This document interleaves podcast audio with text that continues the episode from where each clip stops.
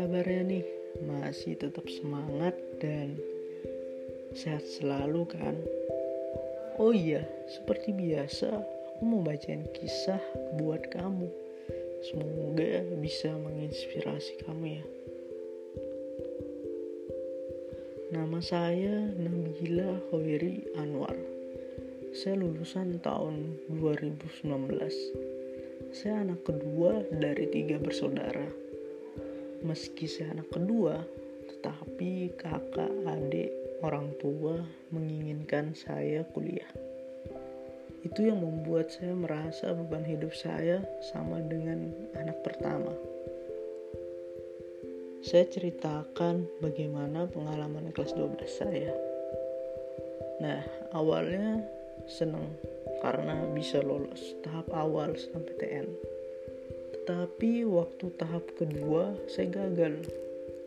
Nangis sih enggak, tapi mewek berhari-hari. Kecewanya itu luar biasa.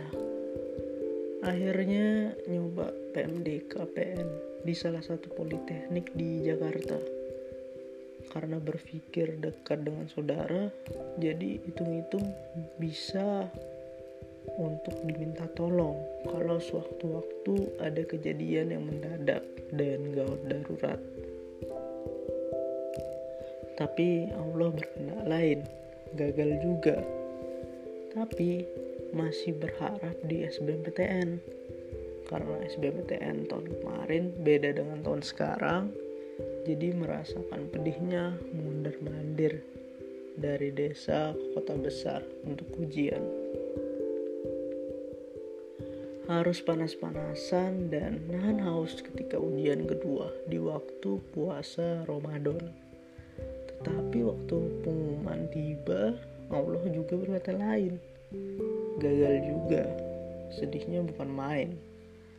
Karena mau mandiri orang tua gak ada biaya. Akhirnya mutusin kerja dari toko ke toko. Selama satu tahun sampai tahun 2020 ini akhirnya memutuskan untuk daftar sekolah kedinasan PKN STAN. Karena saya berpikir masih ada kesempatan di umur saya terakhir untuk mengikuti ujian PKN STAN. Tapi akhirnya Allah berkata lain juga. Karena ada pandemi ini PKN STAN tidak membuka pendaftaran untuk tahun ini saya juga tidak bisa mengikuti SBMPTN tahun ini karena akun saya belum final. Bagi yang tahu aja, akun belum final itu kayak gimana. Akhirnya saya tidak bisa tidur sampai berhari-hari nih. Entah kenapa saya milih untuk mendaftar ke Politeknik di Timur. Dan saya juga mendaftar salah satu sekolah kedinasan dan alhamdulillah saya diterima salah satu politeknik di Jawa Timur dan saya gagal di SKD-nya. Meski saya gagal menginginkan di sekolah kedinasan itu, tetapi ternyata jodoh saya ada di politeknik. Saya tetap bersyukur karena cita-cita orang tua dan keluarga saya untuk kuliah bisa terwujud tahun ini. Jadi inti dari cerita saya ini, saya ditolak dua universitas ketika senam PTN. Satu universitas ketika SBMPTN dan dua politeknik.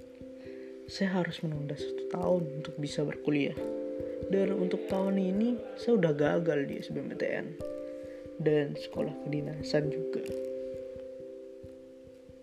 Tetapi dari itu semua, saya mendapatkan banyak pelajaran bahwa semua itu menjadikan saya lebih kuat dari yang lainnya bisa memahami diri sendiri, bisa mengatur ego, dan bisa lebih menghargai waktu. Di mana tahun kemarin bagi saya benar-benar tahun yang penuh menguras air mata. Bahkan saya hampir benar-benar depresi. Tapi Allah nunjukin jalan yang membuat saya itu sadar. Nah, untuk kalian semua yang masih berjuang, nggak apa-apa. Gagal sekarang bukan berarti kamu akan gagal selamanya. Tetapi akan membuatmu menjadi pribadi yang lebih kuat dan hebat. Salam dari aku Nabila Khairi Anwar. See you di next episode